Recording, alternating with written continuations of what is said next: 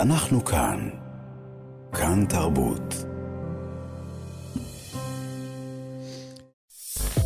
אתן מאזינות ואתם מאזינים לכאן הסכתים, הפודקאסטים של תאגיד השידור הישראלי. גם כן תרבות, עם גואל פינטו.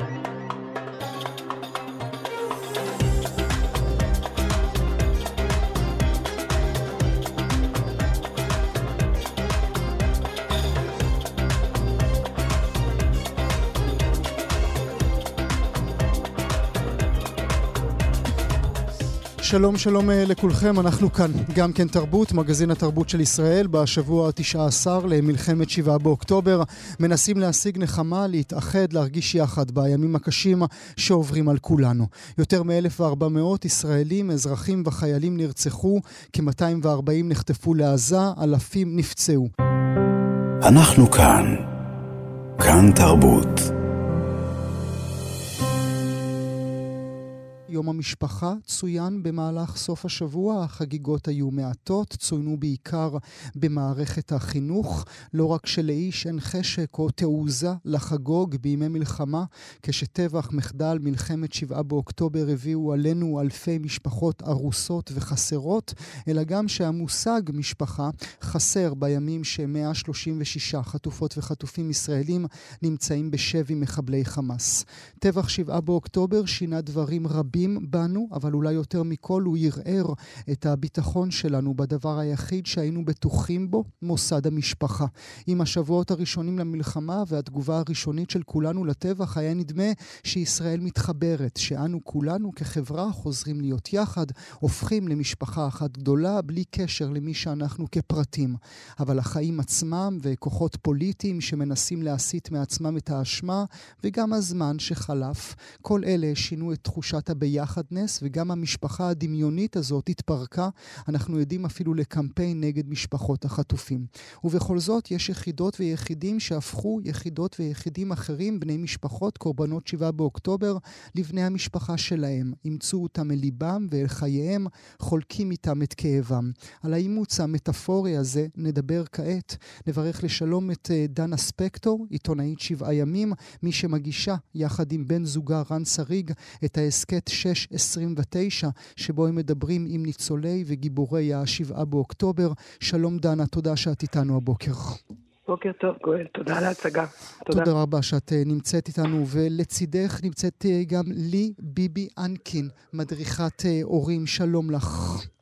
שלום, בוקר טוב. תודה רבה שאת נמצאת איתנו. דנה, אני רוצה להתחיל איתך ברשותך. האם מושג המשפחה קיבל אצלך מימד חדש מאז שבעה באוקטובר? כן, בהחלט. אני מרגישה שנפתחו לי עוד המון המון חדרים uh, בלב, מלא.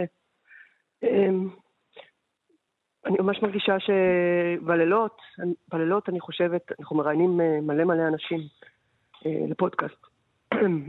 סליחה, זה בוקר. וגם קשה לדבר על זה, ו- והאנשים האלה, והיקירים שלהם שנמצאים בשבי, או היקירים שלהם שנרצחו ב-7 לאוקטובר, הם, הם ממש חוזרים אליי בלילה, אני איתם, ואני קמה בבוקר, כל הזמן תפילה, כשמדליקים נרות שבת, אז מתפללים עליהם, הם, הם, הם בתוך הלב אה, מאוד עמוק, אני חושבת שלרוב הישראלים. זה ממש ככה. זה מטאפורי או שזה באמת? את מדברת איתם בלב, כן. בנשמה, בפה שלך? Uh, בטח. Uh, למשל, uh, האמת שיש כמה שנהיו ממש, uh, אני לא אקרא לזה חברות, כי, כי זה מוגזם, אבל uh, אני, אנחנו חזרנו רובנו לעבודה שלנו ולשגרה שלנו, אז אנחנו אני לא ממש נפגשת איתם כל הזמן, אבל אנחנו מדברות. יש כמה וכמה אנשים וגברים, נשים וגברים שהפכו להיות uh, ממש uh, חברים. למשל רעות קרפ, שהיא mm-hmm. uh, הראשונה שבעצם, uh, היא בעצם אחראית לזה שיש לנו הסכת, כי היא נכנסה לנו למקלחת באילת. היינו כאילו במועדון צלילה, התקלחנו אחרי השחייה באילת, ונכנסה אישה ג'ינג'ית, ומאחוריה ילד יפהפה ושותק. והאישה הייתה כל כך תוססת ואדומה, והיא אמרה, אני לא מקווה שאני לא מפריעה לכם במקלחת, זה היה נראה שאנחנו זוג באמצע מקלחת.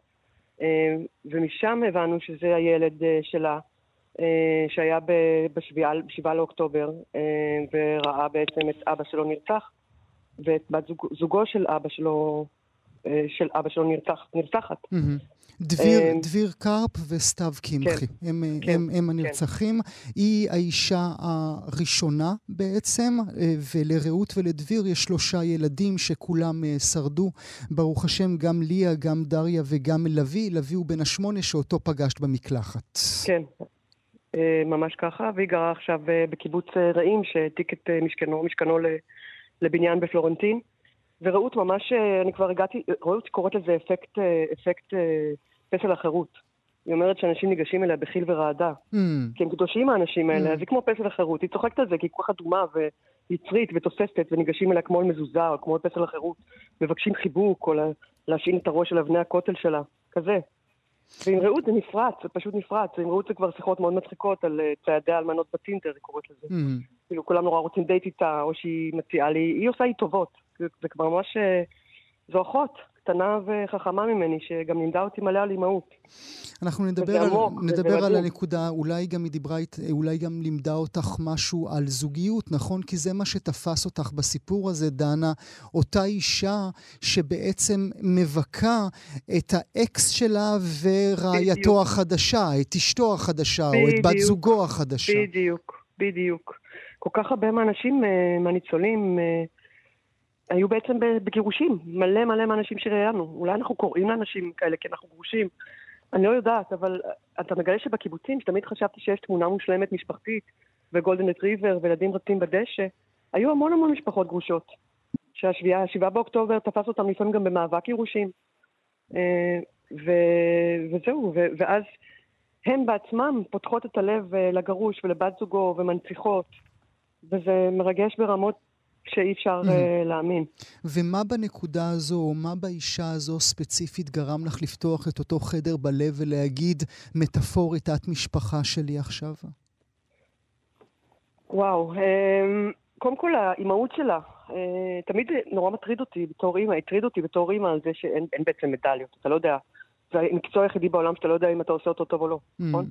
אין בוס שבא ואומר, כל הכבוד, דנה, היית עם הילדה ומגיע לך קידום. mm, אין דבר כזה.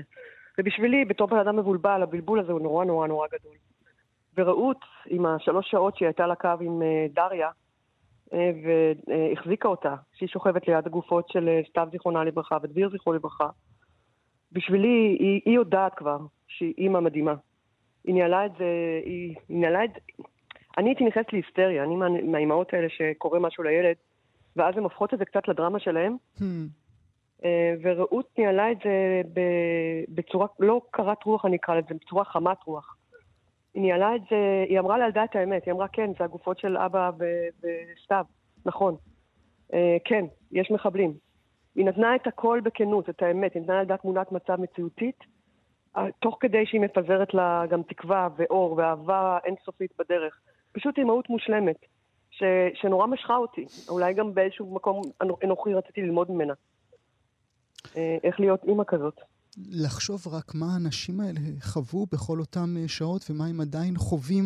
אבל כשאומרים לך, דנה, אה, משפחה, מה, מה, מה את קולטת? מה המילה הזו מסתירה בעינייך?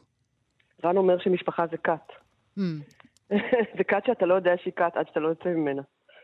עם חוקים משונים ומנהיגים משונים ודיבורים משונים.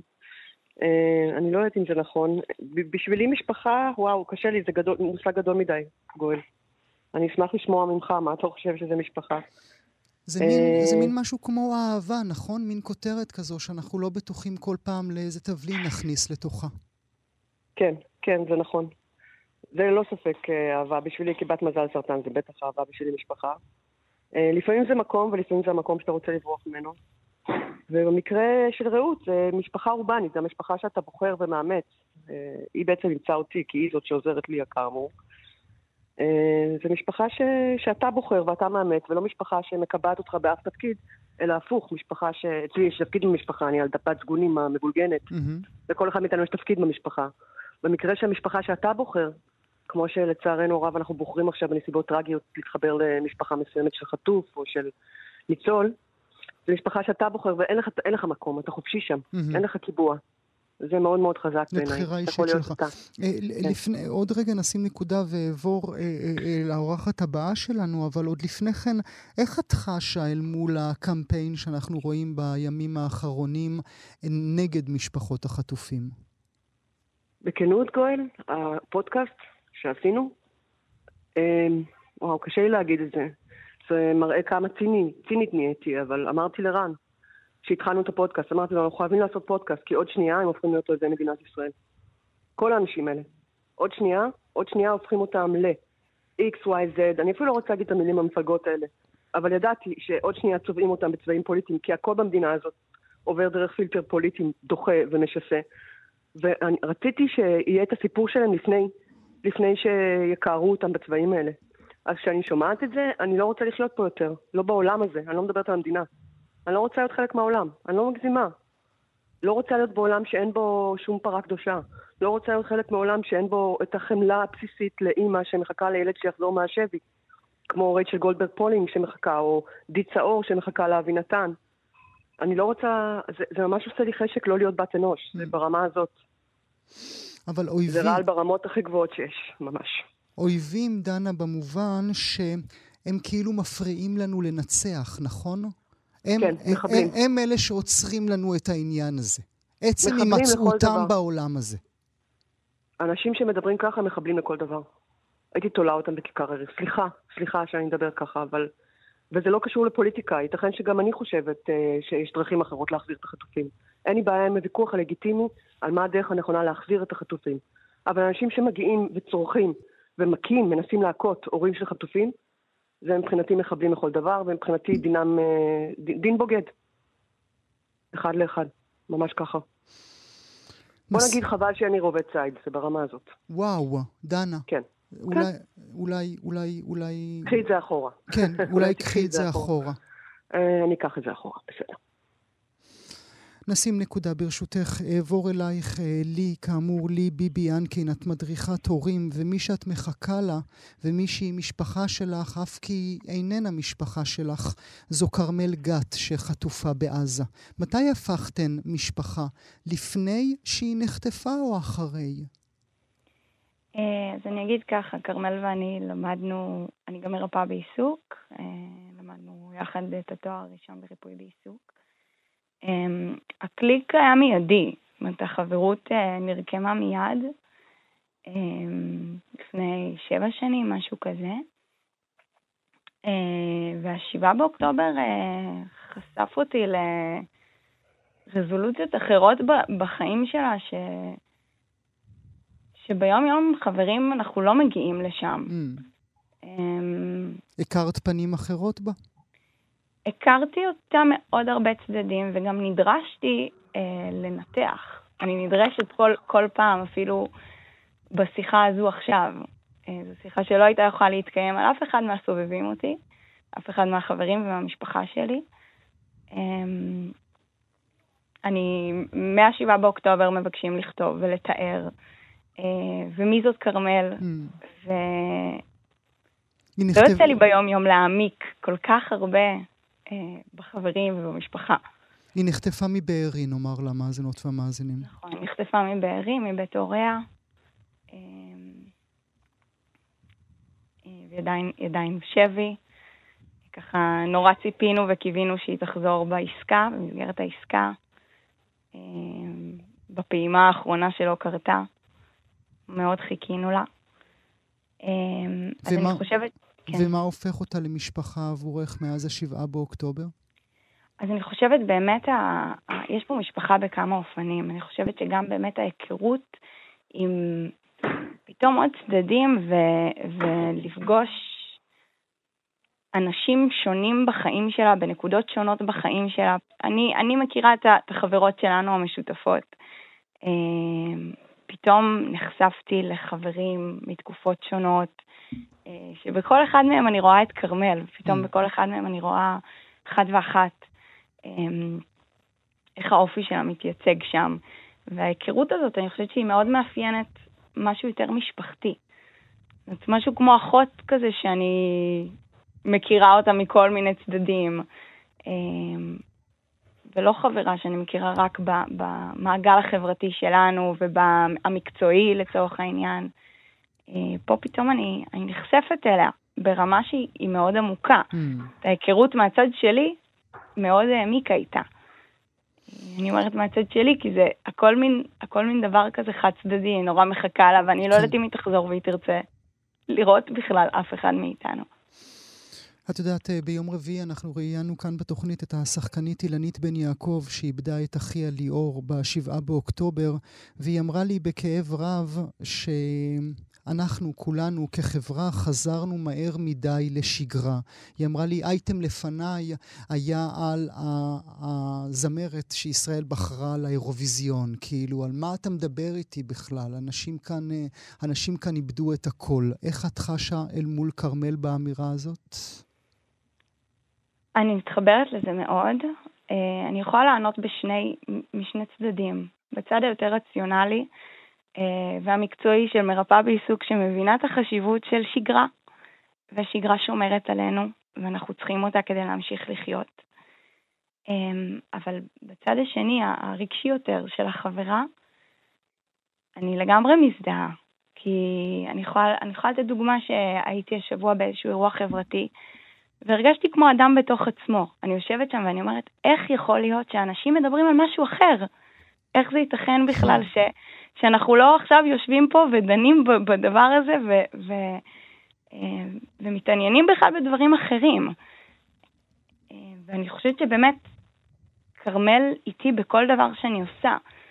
אה, ואני חושבת שאצל כולנו, זאת אומרת, גם מי שמכיר וגם מי שלא, אני מאוד מזדהה עם המקום הזה שלוקחים אולי מזדהה זו לא המילה, כי אני שומעת את זה על אחרים, ש, שמתחברים למישהו שהם לא מכירים, mm-hmm. מהפידבקים שאנחנו מקבלות על, על כרמל. אמ, על, אנחנו עושים, יש תרגול יוגה אחת לשבוע בהשראתה, כי היא תרגלה אה, יוגה עם חטופים בשבי, ויצרנו לה פלייליסט, ואנחנו מקבלות אה, פידבקים על זה שאנשים ממש מרגישים שהם מכירים אותה, שהם היו רוצים שהיא תהיה חברה שלהם. שהם, שהם מדליקים, מדליקים נרות, זה, זה עלה גם קודם, הדלקת נרות, אה, מתפללים, אה, מקדישים לתרגולים, שמים כל, כל היום את ה... שומעים כל היום את הפלייליסט שלה בבית, אה, וממש מרגישים אותה איתם. כל הזמן איתכם. נשים רגע נקודה. דנה, אני רוצה, אפרופו השאלה ששאלתי את אה, לי כעת, אפרופו החזרה המהירה שלנו לשגרה, ארבעה חודשים אה, בלבד, מה עם תחושת הביחדנס שחשנו בשבועות הראשונים למלחמה, כשסיפרנו לעצמנו שכולנו הפכנו למשפחה אחת גדולה? הזדהיתי מאוד עם מה שלי אמרה על החד צדדי, שלפעמים אתה הופך אה, לחבר של מישהו חד צדדי. אמ, מה עם תחושת הביחדנס? אני לא יודעת. אה, אתה שואל אותי שאלות נורא גדולות ואני מנסה באמת להפעיל את גלגלי המוח שלי, אבל גלגלי הלב מסרבים לנוע. אני מאמינה שרוב הישראלים עדיין חשים אותה. בין אם הם חשים אותה, לכל אחד יש את ה... הרי זה תופס את הלב שלנו בכל, בכל אחד במקצועה אחרת של הלב, נכון? Mm-hmm. אז יש את אלה שהפצועים, אה, חיילים הפצועים, חיילים עם המשפחות השכולות של החיילים, ויש את אלה של החטופים. ויש את אלה של uh, הניצולים. אני חושבת שאני כן מאמינה שמתחת להכל uh, הרקמה הישראלית uh, עדיין מרגישה את הביחדנס ואת המשפחתיות הזאת עם האנשים האלה. אני לא מאמינה שיש אימא או אבא אחד סביר במדינה הזאת שלא... כל פעם שיורד גשם שואל את עצמו כמה קר במנהרה. אני פשוט מרגישה שזה ככה, אני, אני מסכימה שצריך לחזור לשגרה. יש גם אשמת, אה, זה לא אשמת ניצולים, זה אשמת כן, החוזרים כן, לשגרה. כן, כן, כן. אשמת כן, החוזרים לשגרה, כן, אפילו כן, להתראיין זה... פה עכשיו, זה כן, נראה לי כן. מגוחך. מי אני? קטונתי. שלי נעלייך מעל ליבך, זה כזה. לא, זה ברמה של אה, לשכב על הספה ולראות נטפליקס, ואז אתה תופס את עצמך אחרי שתי כן. דקות, ואתה אומר, רגע, מה, מה, מה לעזאזל אני עושה עכשיו? אני ברוגז עם נטפליקס, ממש, אני mm. ממש ברוגז עם נטפליקס. אה, ומה, הם צריכים שאני לא אראה נטפליקס? נו, באמת. כן. אי אפשר, זה נכון. אנחנו uh, כמובן uh, נשים נקודה כעת ונודה לכם מאוד על הדברים אני האלה. רק, אני רק אשמח להוסיף, בבקשה, לילי. Uh, על, על הביחדנס mm. הזה, ש, שגם אפשר להתייחס ל, לעם כמשפחה. משפחה זה באמת מושג שאפשר להתייחס אליו ברבדים שונים, ושאני חושבת שהרבה פעמים משפחות החטופים, מה שהם מבקשים זה להראות להם את הביחד, ולהראות להם את הביחד זה להגיע, ולראות איפה אפשר לתמוך שם. בסוף הנוכחות זה מה, ש... מה שמחזק את המשפחות, כי יש גם איזושהי הבנה אני... שלי, אני אדבר בשם עצמי, שאני לא יודעת כמה, מה ש... מה... כמה אנחנו יכולים לעשות, אבל הביחד הזה ולהראות למשפחות שאנחנו ביחד הוא, הוא, היא מאוד משמעותית. נודה לכן מאוד. אה, דנה ספקטור, תודה רבה שהיית איתי הבוקר. לי ביבי אנקין, תודה גם לך. אנחנו כאן. כאן תרבות.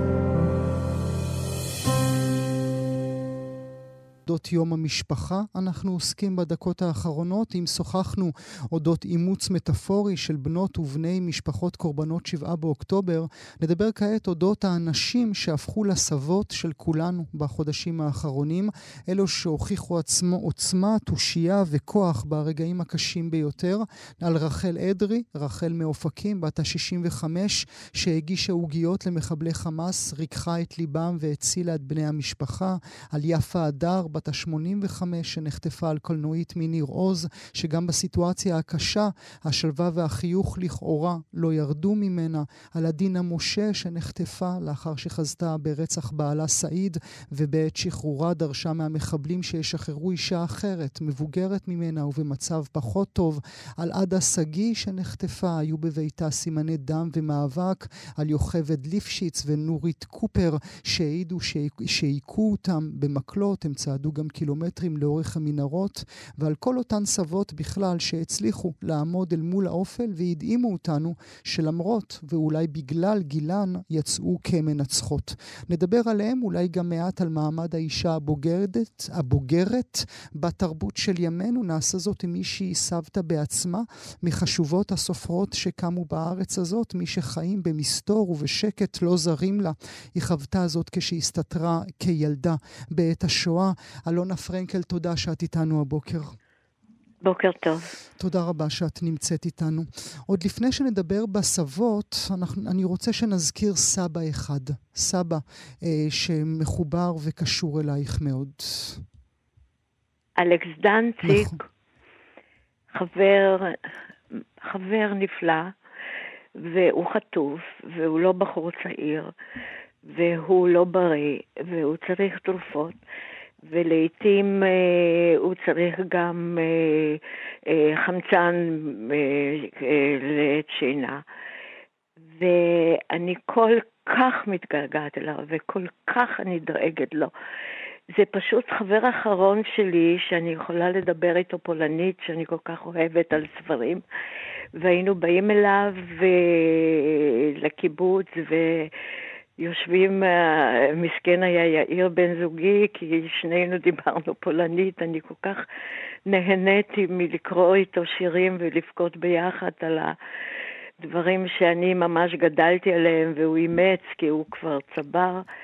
ואני ממש, כל פעם שנגיד אני עושה דברים הכי יומיומיים, אמבטיה, או אספרסו, ואני חושבת, אני מרגישה רגשי אשם, אני מרגישה רגשי אשם שבעצם כל אחד מאיתנו הוא כניצול. Hmm. כמו במעמד הר סיני כולנו הקשבנו, אז כאן כל אחד הוא ניצול. וה... סיפורים של אלה שהתחבאו ואלה שנחטפו וחזרו. למשל, הילדים שלחשו, ואז אני התחבאתי ככה עשרה חודשים. Mm-hmm. חלק מה, מהמלחמה, כי חלק הייתי ילדה, הסתיר אותי באיזה כפר כרועת אווזים. אה, ו... אבל אני מכירה את הדבר הזה ש... אתה כמעט לא יכול ללכת, כי השרירים מתנוונים במקום קטן, שאתה ילד ומתנוונים, והעניין הזה, עד היום למשל, אני מימיי לא הרמתי את קולי, אני לא, אף פעם לא צעקתי, אני לא יכולה, לא, המיתרים שלי לא מסרבים כאילו, אני לא מסוגלת לצ, לצעוק. והסיפור הזה ששם, זו פרשה שהתחבא בארון, וגם אני הייתה איזה... הייתה פעם אחת שהגסטאפו נכנסו ממש למחבוא שלנו, ואבי ואני התחבאנו בארון, ואימא שלי בפתח הזה של שולחן הכתיבה. אז אני כבן אדם שבאמת בנס אה, ניצל מהזוועה הזאת, אז אה, כמובן שאם אני אחת ממיליון ילדים שנרצחו ואחת מאלה שנשארו בחיים, ופה אני שומעת עוד פעם את, ה, את, ה, את הזוועות האלה. עכשיו תראה, אני חושבת שאם אנחנו לא מיד, מיד ומיד, נשחרר את החטופים, אין, אין מדינה, אין לנו מה לעשות פה. פשוט. כי זה בטוח שזאת סכנה נוראה. כל היתר זאת תחזית וזאת קונספציה, ומה קורה עם קונספציות, אז אנחנו כבר אה, נוכחנו. ואלה אנשים שכל דקה, אני חושבת, עשויה אה, להציל עוד מישהו. אז אה, לדעתי, אם זה לא ייעשה באמת מיד מיד, אז אני הייתי, אני חושבת שצריך אה, לעשות מרד אזרחי. ממש, להשבית את המדינה, לא לשלם מס הכנסה, ומין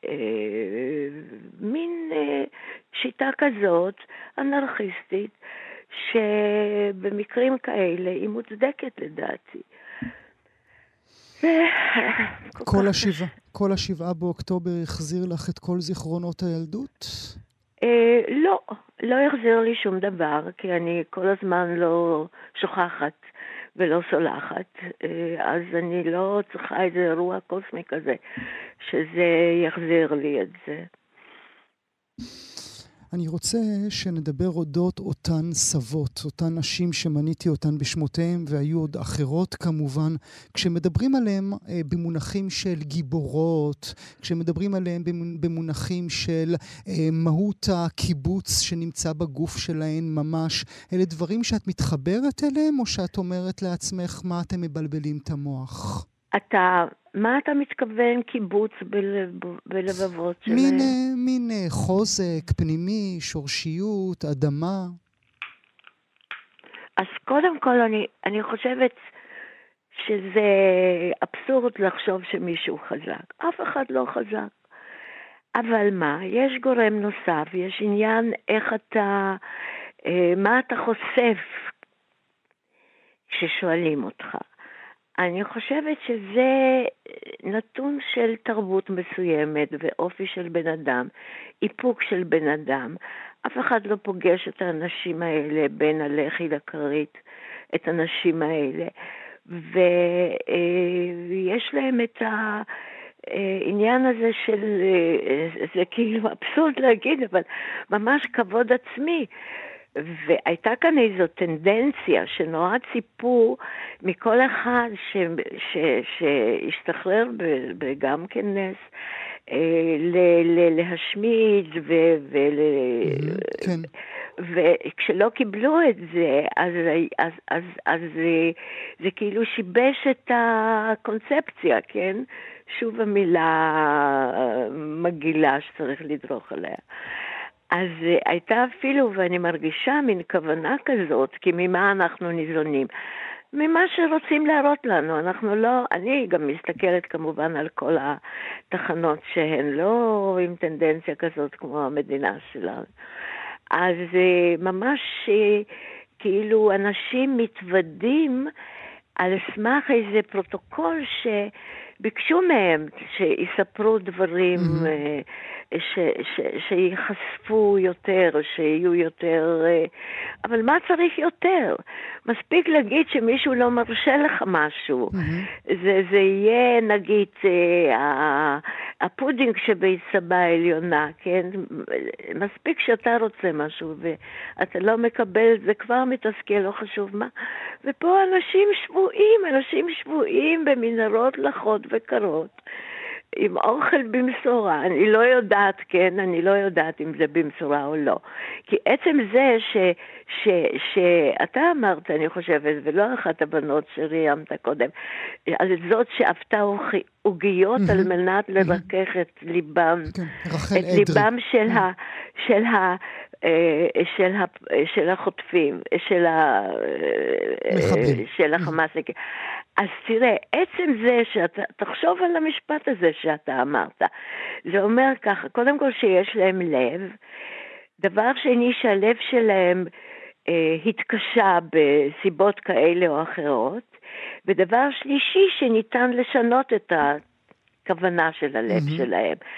אלה שלושה דברים שקודם כל, תראה איך בשלושה משפטים אפשר להפוך את הקערה על פיה. זה אומר שהאנשים האלה נתונים לשוב קונספציה מסוימת, זה אומר שאפשר לרכך, לשנות את הקונספציה הזאת ולהחזיר להם את צלם אנוש, נכון? Mm-hmm. העובדה הזאת, אני איך שראיתי את זה, אה, אה, אה, מההתחלה שהראו את, את הבחורה הזאת, אז uh, חשבתי, אם זה ניתן, אז uh, מה אתה תגיד? זאת אומרת, זה, זה, זה, להגיד את זה היום זה כבר ממש חתרני. Uh, כן, אני... להגיד... אבל אף אחד לא חזק, תשמע גואל, mm. זה, זה, זה, זה, זה פיקציה. אנשים את זה... את לא היית ילדה חזקה בזמן שהתחבאת עשרה חודשים בתוך ארון? קודם כל, עשרה חודשים לא היה בתוך ארון, זה היה באיזה כוך כזה. אה, בארון זה היה רק כשבאו לעשות חיפוש מבית לבית, שם ברחוב שגרנו בלבוב בזמן המלחמה. אה, אני, אה, אתה יודע מה, אני לא יודעת מה לענות לך. עובדה שאני, שאני בחיים, ועובדה שאני בחרתי להיות הומניסטית, ועובדה שאני מאמינה, לפי הדוגמה הזאת, שעופים עוגיות לרוצחים האנשים האלה, כן? אז אה, אה, אני מאמינה בטוב שבאדם כחלק, ואני נורא רוצה להאמין שכמו שרוע, אה, שהוא בדרך כלל נובע מחרדה ומפחד, מתפשט, אז גם, גם טוב מתפשט, שזה כזה, אתה יודע, שלח לחמך. ו- ואני מנסה לחיות לפי זה. אז מה, אז אני הולכת לכל ההפגנות. והנה, עכשיו יש לי הזדמנות שאתה שואל אותה, אני יכולה לענות מה שבליבי. ואני... אבל כלום לא השתנה בך? אה, לא השתנה בך אחרי שחווית את זה על, על בשרך בעת השואה היהודית, וגם לא השתנה בך כאשר חווית את טבח שבעה באוקטובר. האם אותה הומניסטיות שבחרת בה לא ראויה למחשבה מחודשת. לא ראויה... כאילו רוויזיה. כן. אני אגיד לך, כשהייתי אה, במלחמה, נולדתי כאילו למלחמה, נכון? וילדותי נגזלה, ו... אה, ועכשיו אה, חוויות שאני שומעת מאנשים אחרים, אני לא יודעת להסביר את זה, באמת אני לא יודעת. אולי אולי, אולי לי עזר עצם היותי בן אדם בתוך טבע, כי אני את החודשים הראשונים של הכיבוש הייתי בכפר. ושמה באמת גיליתי את uh, שדות הזהב של החיטה ואת החיפושיות ואת הפרחים. והייתי רואה את אווזים, ושמרתי על הסוס, ואף אחד לא דיבר איתי כמובן, אבל באותה עת גם כן לא כל כך דיברו עם ילדים. אז יכול להיות ש, שמה שההתפעמות הזאת מהעולם, אה, שיש בו, אה, שאנשים הם רק חלק מהעולם, הקיום של הטבע, אה, איכשהו שריין אותי עד היום, mm. כן? עד היום אני יכולה תמיד את הפרחים שיש לי על השולחן לפניי. אני יכולה לטבוע ממש בהתפעמות מיופיים. אבל אה, אה, זה שמיד חייבים את האנשים האלה לשחרר, כי זה בטוח שהם בסכנה נוראה. כל העתיד כמובן לא בטוח. אי אפשר לדעת שום דבר. וכמו שאמרתי לך, מה שאנחנו יודעים זה רק גם כן איזה פרגמנט, מה שרוצים להראות לנו, ואי אפשר לצפות לשום דבר. מה יהיה, ממש מה יהיה בעתיד. לדעתי אי אפשר לנצח מלחמה כזאת, וחייבים למצוא, אולי זה יהיה איזה, הנואשות הזאת הנוראה, אולי היא תהיה איזה פתח לאיזה נתיב ש, שנוכל לפתור סוף סוף את הבעיה. ואני יודעת מה צריך להיות הפתרון. אני צריך להיות פתרון של שוויון ו, ולתת כבוד לרצון אה, האויב שלך. אה, אה, תראה, אנחנו למרות פה... למרות מה שהוא עשה, אלונה, הרי אנחנו הרי יודעים כל כך הרבה, הרבה בנות ובני קיבוצים שעשו אה, קשרי שלום עם השכנים שלהם ונחטפו על ידם ממש. תראה, אני, אני לא הייתי פה, אבל הייתה מדינה תחת המנדט הבריטי. תעלה על דעתך רק שנייה, איזה טרור הפעיל, הפעל, הפעילו פה היהודים כנגד הבריטים. מה לא עשו? פיצצו קשרים, פיצצו, את, אה, אה, פיצצו מלון, רצחו בני אדם, אה, עשו משפטי שדה. כל זה על מנת ש, שנשתחרר מהמנדט, ש... ככל שעובר הזמן, אז אנשים מתחילים אפילו להתגעגע לזה. מה רצו? רצו פורמלית שיהיה כתוב שזאת מדינה ושיש דגל, ובן גוריון בגאוניותו ואיזה מין באמת כוח כביר של חזון, הכריז על המדינה כנגד כל הסיכויים. אז איך אנחנו יכולים לא להבין שאיפות של אה, אנשים אחרים, זה, זה ממש. ולדעתי כל ה... שאיפות, שאיפות, כשאותן שאיפות, אלונה, אה, רוצחים, טובחים ואונסים בנו. אז אני מספרת לך שאולי הכוחות פה של הטרור היהודי כנגד המנדט, אולי לא אנסו, כן? אבל בהחלט עשו ככל יכולתם, כן? אה, כנגד הבריטים שהסתלקו מכאן. רק ת, מספיק לקרוא את זה, זה בהיסטוריה, זה, זה, אלה עובדות. ואנשים שעשו את זה אפילו אחר כך היו ראשי ממשלה אצלנו, ובוודאי פוליטיקאים, ממש, טרוריסטים. אז אה, אה, אין מה להתווכח. שזאת זוועה. אני חושבת, מה שאתה שומע זאת החתולה המתוסכלת. כן, כולנו שומעים אותה, כן. כן, אבל כשאתה שומע קולות כאלה, היא פשוט כבר uh, קצת עיוורת וחירשת. היא לא, היא, היא לא צעירה, גם אני לא. הדבר הכי חדש בחיים שלי זה הש... שאני כבר כל כך מבוגרת. כל, כל יום זה מפליא אותי. שאת עדיין uh, ממשיכה לגדול.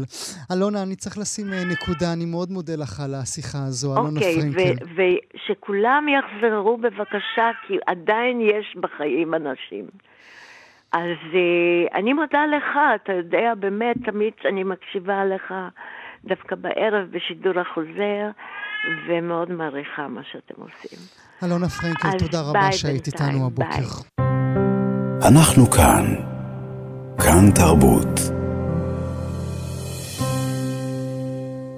כולם זוגות זוגות ושוב אני לבד לו רק היינו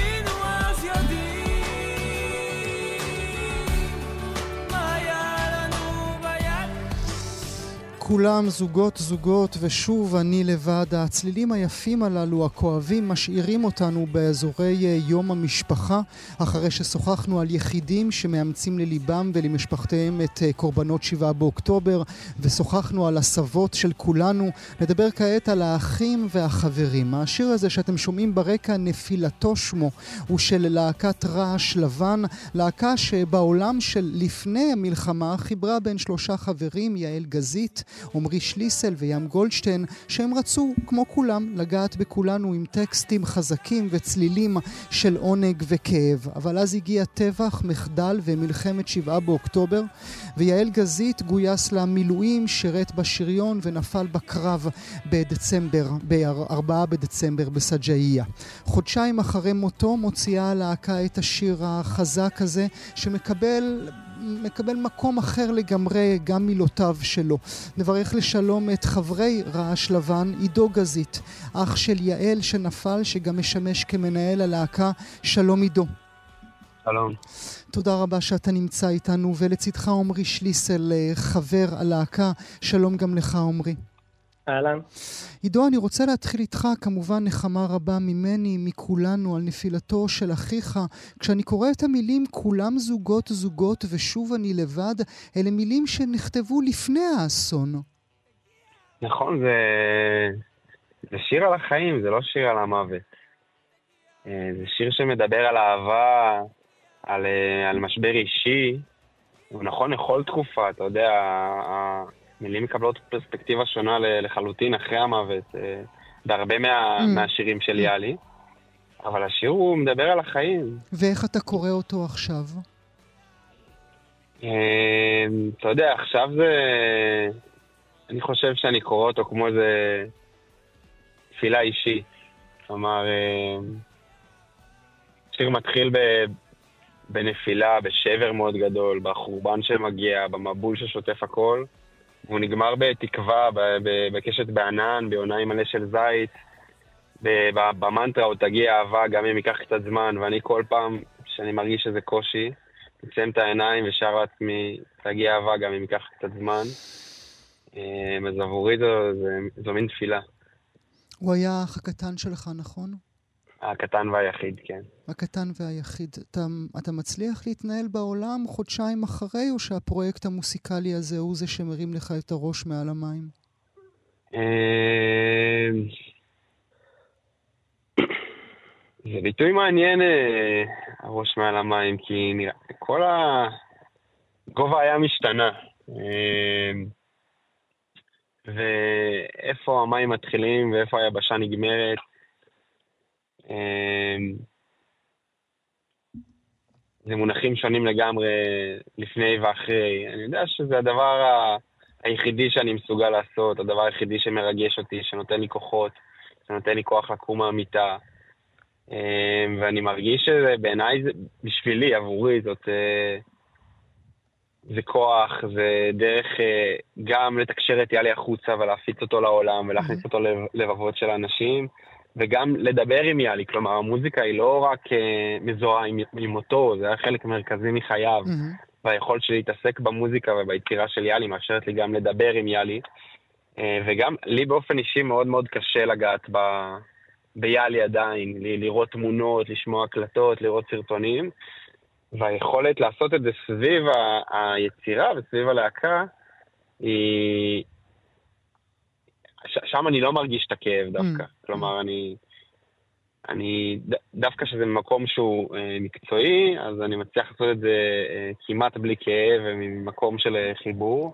אז עבורי זה כוח, ואני מקווה שגם עבור אנשים אחרים היצירה של הלהקה היא כוח. אנחנו מקבלים הודעות אה, mm-hmm. סביב היציאה של הסינגל על אנשים שאיבדו את, היקר, את יקיריהם ב-7 באוקטובר, אה, או שעוברים תקופה קשה, והם אומרים שהם, אה, שהם מוצאים כוח במילים שלנו.